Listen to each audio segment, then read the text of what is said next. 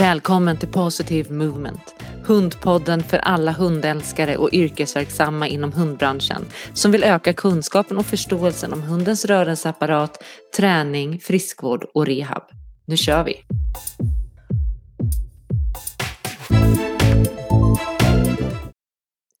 Det här poddavsnittet presenteras i samarbete med Svenska Fysioterapiskolan och Petri App. Just nu erbjuder Svenska Fysioterapiskolan 10% rabatt när du anmäler dig till utbildningen rehabiliteringsterapeut på hund. Ange rabattkoden Positive Movement. Den är giltig till och med den 15 december 2023.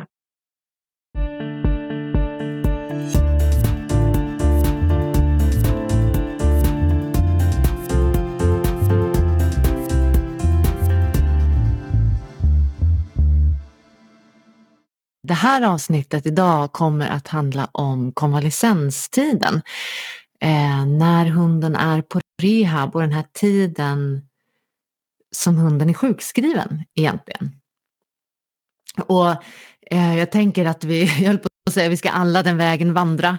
Det ska vi förhoppningsvis inte, eh, men många av våra hundar har en längre eller kortare tid under livet där de är på konvalescent. Sen kanske det inte alltid är på grund av eh, Eh, en skada så som vi tänker det, men, men att de kanske är sjuk på ett eller annat sätt och behöver förhålla sig till det eller eh, det behöver inte alltid vara ett brutet ben. Det kan också vara en mindre grej att man bara behöver hålla hunden i stillhet eller under restriktioner under en vecka.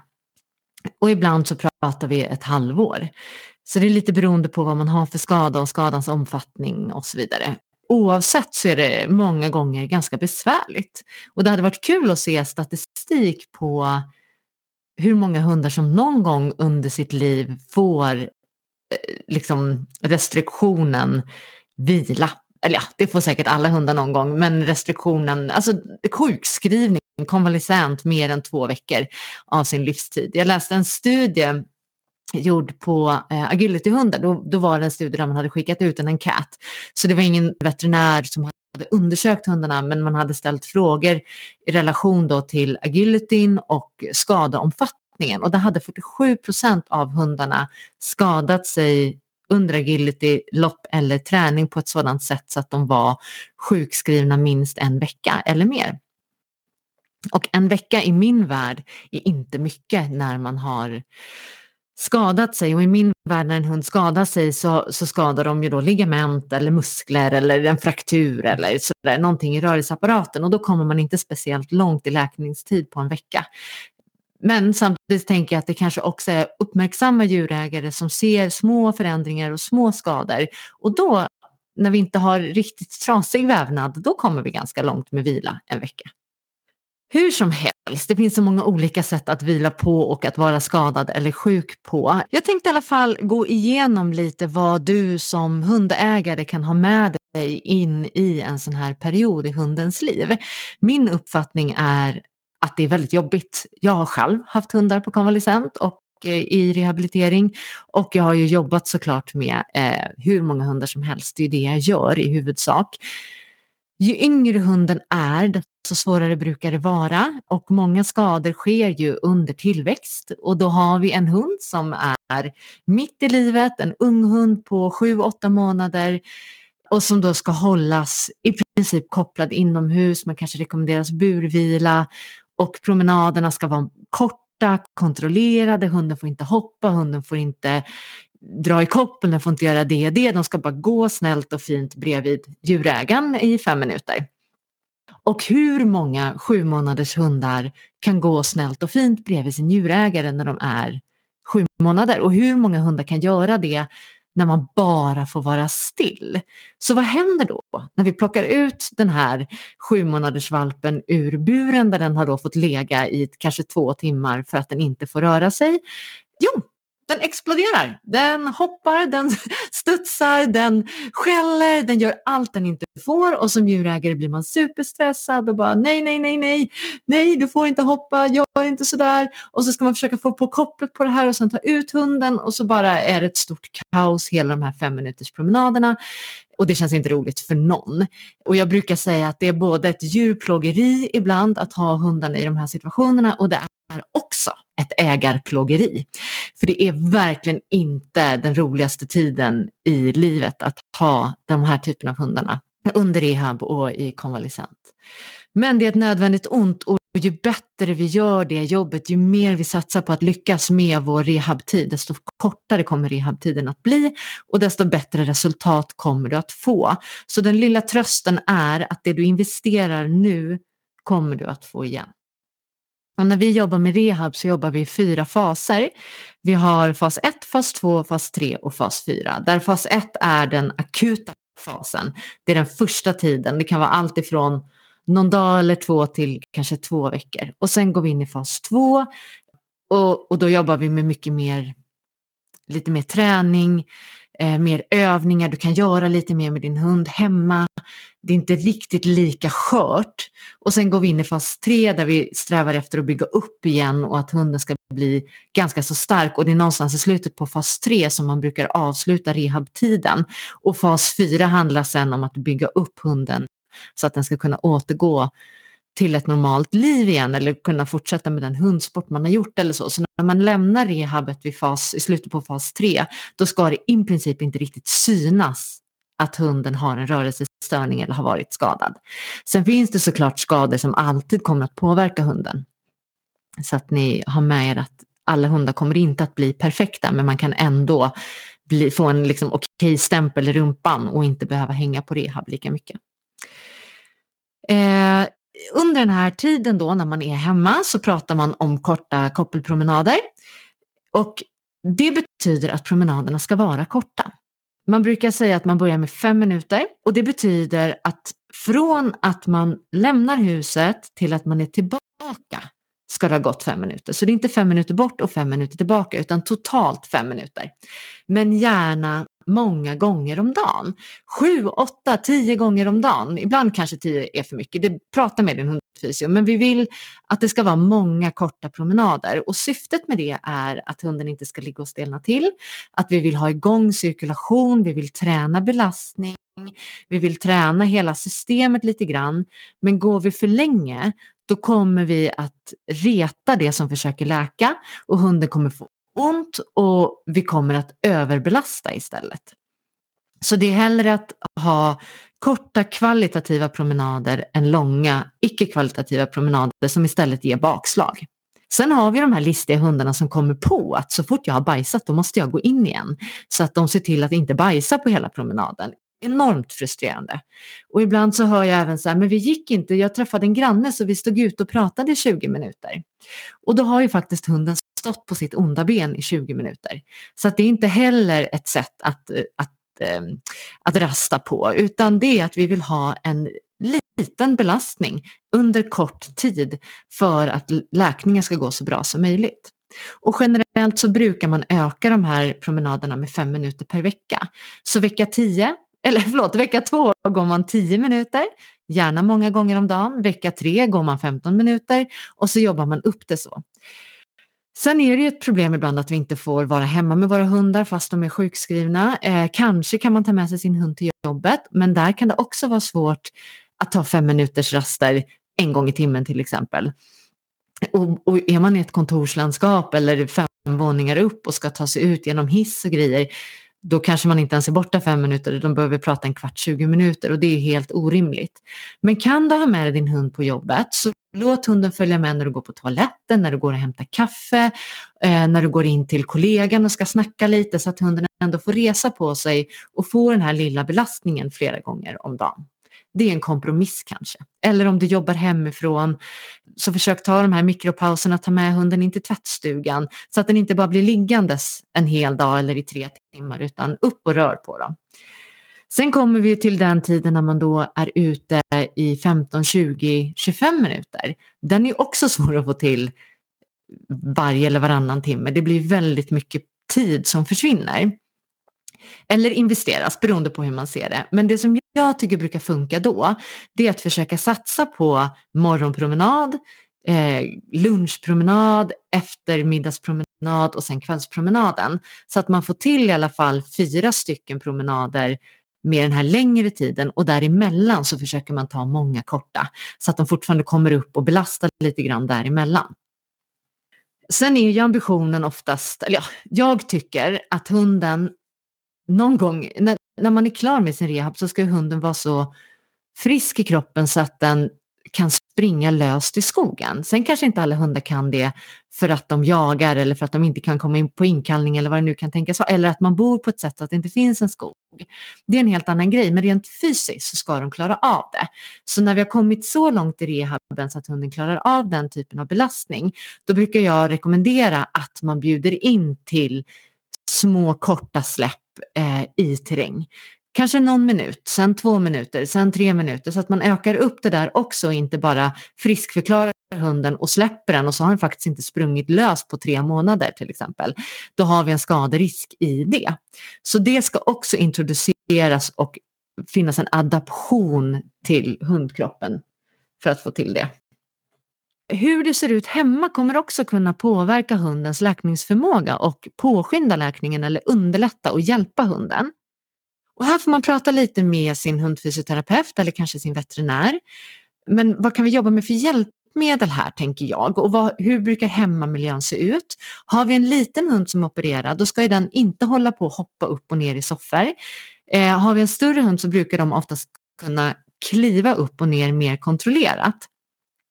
Oavsett så kanske det är en idé att ställa en pall eller bygga en liten trapp. Det finns även trappor att köpa så att hunden kan upp, ta sig upp och ner i säng och soffa utan att du behöver hjälpa till och utan att du behöver skärma av hela soffgruppen. Eh, de ska inte halka inomhus, de ska inte rusa, så även när vi har de här hundarna som kanske inte behöver vara i bur. När man pratar burvila så innebär ju det att hunden ska vara som om den ligger i bur. Eh, och det betyder att den inte ska rusa, hoppa, busa med sina hundkompisar, hoppa upp och ner i soffan, leka med barnen, utan den ska vara stilla och i ro. Och det jag kan se på mina egna hundar, att jag tycker så här, men de ligger stilla och i ro hela dagarna. Det är ingen som härjar här och de är vuxna, de busar inte längre. Och de ligger lugnt och fint och stilla fram tills att någon ringer på dörren till exempel.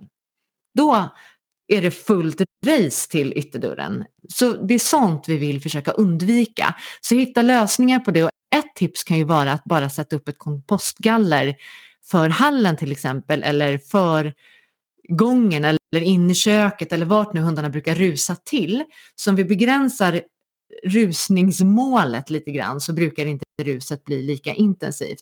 Men är hunden i början av sin konvalescent så får det absolut inte ens förekomma något som helst som liknar rusning eller hopp eller sådär. Så det är väldigt, väldigt viktigt att du sörjer för att skapa en miljö som blir trygg för din nyopererade hund. Så titta på det, titta på vart brukar hunden halka, har den svårt att resa sig från bädden? Lägg en, eh, en matta runt omkring. Har de gjort illa sina framben så att man har opererat armbågar eller bogar eller att man har akuta inflammationer i armbågarna eller bogarna eller tassarna för den delen så att det gör ont för hunden att ha vikten fram så kan det hjälpa jättemycket att vi har upphöjda matskålar som avlastar lite grann och hjälper hunden i det. Eh, har de ont i ryggen kan det också vara besvärligt att äta ur, med skålen på backen, även ont i nacken och sådär kan vara lite besvärligt. Så höj upp matskålarna. Sen finns det en studie, eh, jag kommer inte referera till den för jag vet inte var den är, jag läste den för länge sedan så att vi får ta, det är en studie, det är inte en sanning. Men jag tänker att man kan ha med sig den om man har en hund som är av den här rasen som tenderar att få lite magomvridningar. För i den här studien så såg man att upphöjda matskålar ökade risken för magomvridning. Så bolla lite med din veterinär vad, vad veterinären tänker om det, om det är någon risk för din hund och sådär. Annars så höj upp matskålarna när det kan underlätta. Det är också jätte, jätteviktigt att jobba med smärtlindring så länge hunden behöver det. Och här är det viktigt att du har en dialog med din hundfysioterapeut och din veterinär. För här vet vi idag att eh, läkningsprocesser påskyndas om hunden är smärtlindring smärtlindrad. En gammal teori var ju att om hunden inte smärtlindras så tar den lugnare för att det gör ont. Och så kan det väl vara till viss del, men det triggar också stressreaktioner i kroppen som är negativa för läkningsprocesser och av massa andra anledningar. Så se till så att din hund är smärtlindrad. Det påverkar också möjligheten för oss att träna om hunden har ont. För då kommer den inte vilja att belasta sina vävnader, då kommer den inte vilja att stödja på sitt ben och då kommer vi inte kunna få till den träning som vi är ute efter och det kommer också att försämra rehabprocessen och förlänga rehabprocessen. Så kika på det. Tycker du att din hund verkar ha ont i vissa situationer så var uppmärksam på det och ta med dig det till rehaben så att ni kan diskutera det och se om det finns andra åtgärder ni kan göra. Prata om hur er miljö ser ut hemma. Be om att få tips och råd för att underlätta hund, hund, för hunden i vardagen. Det finns ramper som man kan sätta upp i bilen så att hunden kan få hjälp upp och ner om man har svårt att lyfta hunden. Det finns jättemycket bra grejer. Det är såklart en kostnadsfråga här också, det förstår jag. Sen har vi foder som en, en en jätteviktig del i det hela och här är det ju viktigt att du har ett foder som är anpassat för din hund i, den, i det livsskedet den är i. Men att också vara nyopererad och vara i den här processen i kroppen kräver ganska mycket energi. Och då finns det bra foder som är anpassade och som faktiskt hjälper till att främja läkningsprocesser och som inte kostar så mycket energi att eh, bearbeta. Så prata lite med din veterinär, men det finns foder som heter till exempel recovery och sådär. Och de är ju till för en hund som läker. Så kika på det, kika på vad du kan underlätta med och också kanske dra ner fodermängden en aning. För nu kommer du gå in i en period, eller att du kanske befinner dig i en period när din hund inte rör på sig så mycket som den är van. Och då betyder det att den inte har samma förbränning som den är van att ha. Så om du fortsätter att ge samma mängd mat så kommer den kanske gå upp i vikt och det brukar absolut inte vara gynnsamt för hundar som ska läka eh, eller hundar som har ont i sina leder och sådär. Så se över fodret, se vad du kan göra. Ska du byta foder? Kan du minska på mängden utan att det påverkar hundens näringsupptag så mycket? Eh, ger du tillräckligt mycket eller ska du ge mindre? Och kan du ge mindre mängd flera gånger om dagen. Det kanske också underlättar nu när hunden inte får jobba med kroppen och, och i och med det också så påverkas kanske tarmrörelserna lite grann eh, så att de inte har samma flöde och, och, då kan det vara lättare att hantera mindre fodergivor men kanske flera gånger under dagen. Och prata även med din veterinär och hundfysioterapeut om kosttillskotten. Har din hund en skada av den karaktär så att kosttillskott är fördelaktigt så bör den absolut få det. Och här finns det också en uppsjö av produkter. Så prata om vad som kan vara lämpligt för din hund och störst marknad har vi ju på de här ledskadorna. Men är det så att din hund inte behöver ett kosttillskott då är det ju pengar i sjön att ge ett kosttillskott och det har ingen verkan och det är ju enormt onödigt. För det är inte så att det är billigt att gå igenom de här processerna ändå. Så kan vi spara in några hundra kronor i månaden så är det bra. Men behöver din hund ha det så är det verkligen värt investeringen. Och sen så kommer vi till träningen. Oftast i början på rehaben så brukar träningen vara ganska eh, inte så svettig om jag säger så. Det brukar vara små rörelser, enkla grejer, små eh, lyft på tassar eller flytta vikten och sådana saker. Och det kan kännas obetydligt och meningslöst men det är den träningen som är den viktiga.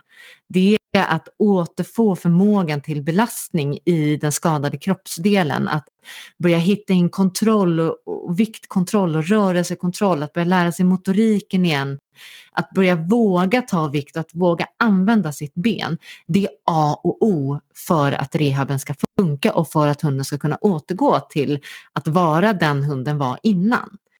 Så satsa på det. Gå på rehaben, jobba med övningarna hemma. Och de här små grejerna ska oftast göras dagligen. Så fokusera på det.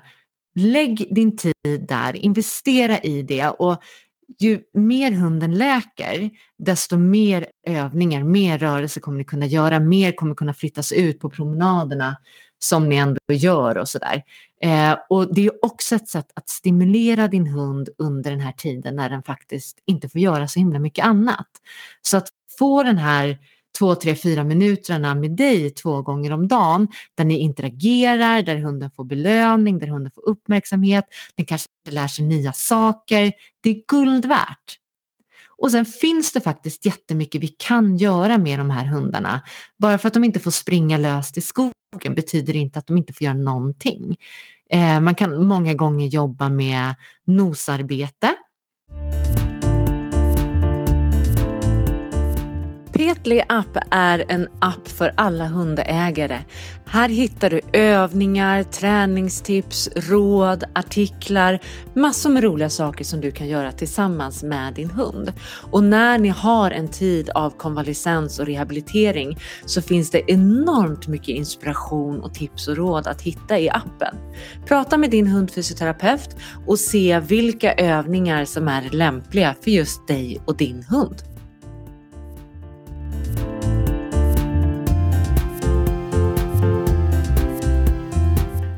Och här tänker jag också att du kan prata med din hundfysioterapeut. Men generella tips, eller som man kan ha med sig, är ju att om vi har ont i framdelen, då kanske spår inte är det bästa, för då blir det väldigt framtungt och hunden går med nosen i backen.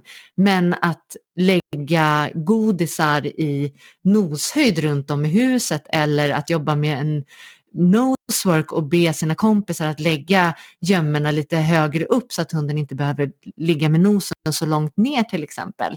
Det är jättefina grejer att göra med en hund som, som inte får göra så himla mycket annat. Kanske kan man gå någon form av hundkurs. Är det så att din hund har problem med hundmöten och du har precis opererat ett knä så är det kanske inte en hundmöteskurs du ska gå. Men det kanske finns andra kurser som erbjuds, kanske en kantarellsökskurs. Och så bör ju då hundinstruktören ha med sig informationen om att din hund är skadad. Och kunna bolla lite med dig om det här är lämpligt eller bolla med din hundfysioterapeut. Är det här lämpligt eller inte? Och självklart så ligger ett enormt stort ansvar på dig som djurägare att se till så att det är lugnt och kontrollerat, att hunden inte exploderar ut ur bilen. Du förstår. Men, men livet tar inte slut bara för att hunden hamnar på rehab och är på konvalescent, utan det är kanske nu man passar på att lära hunden gå fint i koppel till exempel. Jättefin tid att träna det och hunden kommer få ut mycket, mycket mer och känna sig mer stimulerad på promenaderna. Och de här fem minuters promenaderna är kanske alldeles lagom tid för träning, speciellt om man har en ung hund. Då orkar de ju oftast inte hålla på och träna gå fint i koppel i 20 minuter ändå. Så att man kanske har större chans att lyckas faktiskt. Mm. Eh, rehab är inte så himla roligt. Det är verkligen ett tråkigt besked att få och många gånger så kan det sätta käppar i hjulet för planer som vi har, kanske resor som får ställas in, viktiga tävlingar som blir inställda.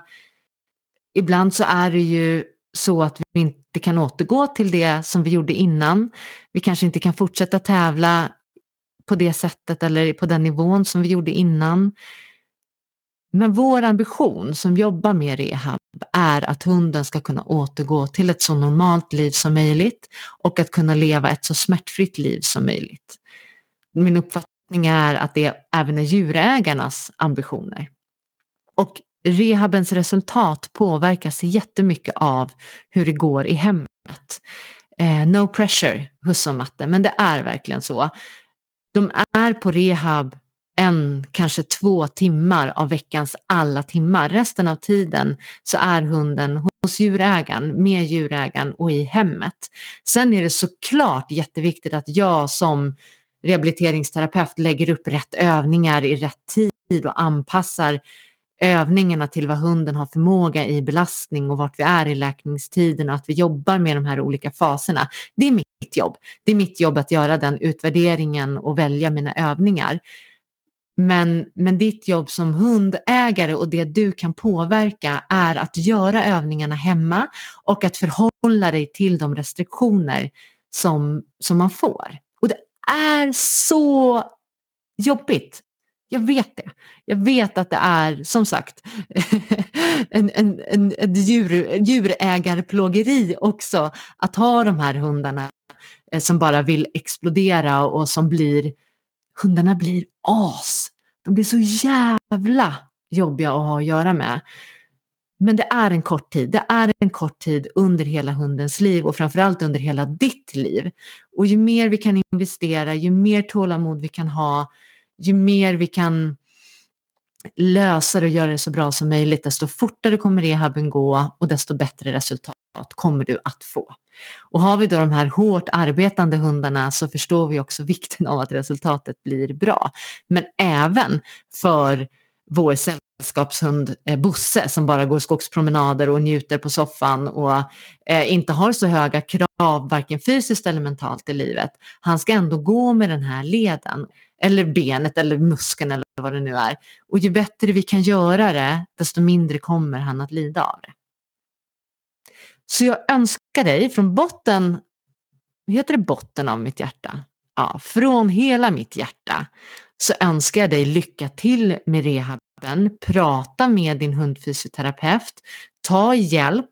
Ring en vän. Få stöttning. Det är en kort tid i livet, men den måste göras. Och jag önskar och hoppas att din rehab egentligen aldrig händer och om den händer att det går bra och att det känns okej. Okay. Har du några frågor är du välkommen att höra av dig. Eh, och har du frågor specifikt på just din hunds rehab så prata med din hundfysioterapeut. Eh, det går också bra att boka en onlinekonsultation men det är alltid, alltid bäst när man får ta och klämma och känna och titta på hunden ordentligt. Annars kan jag bara ge ganska generella råd utifrån det du berättar. Så det bästa är ju att prata med de människorna som du har i din närhet. Vi hörs igen.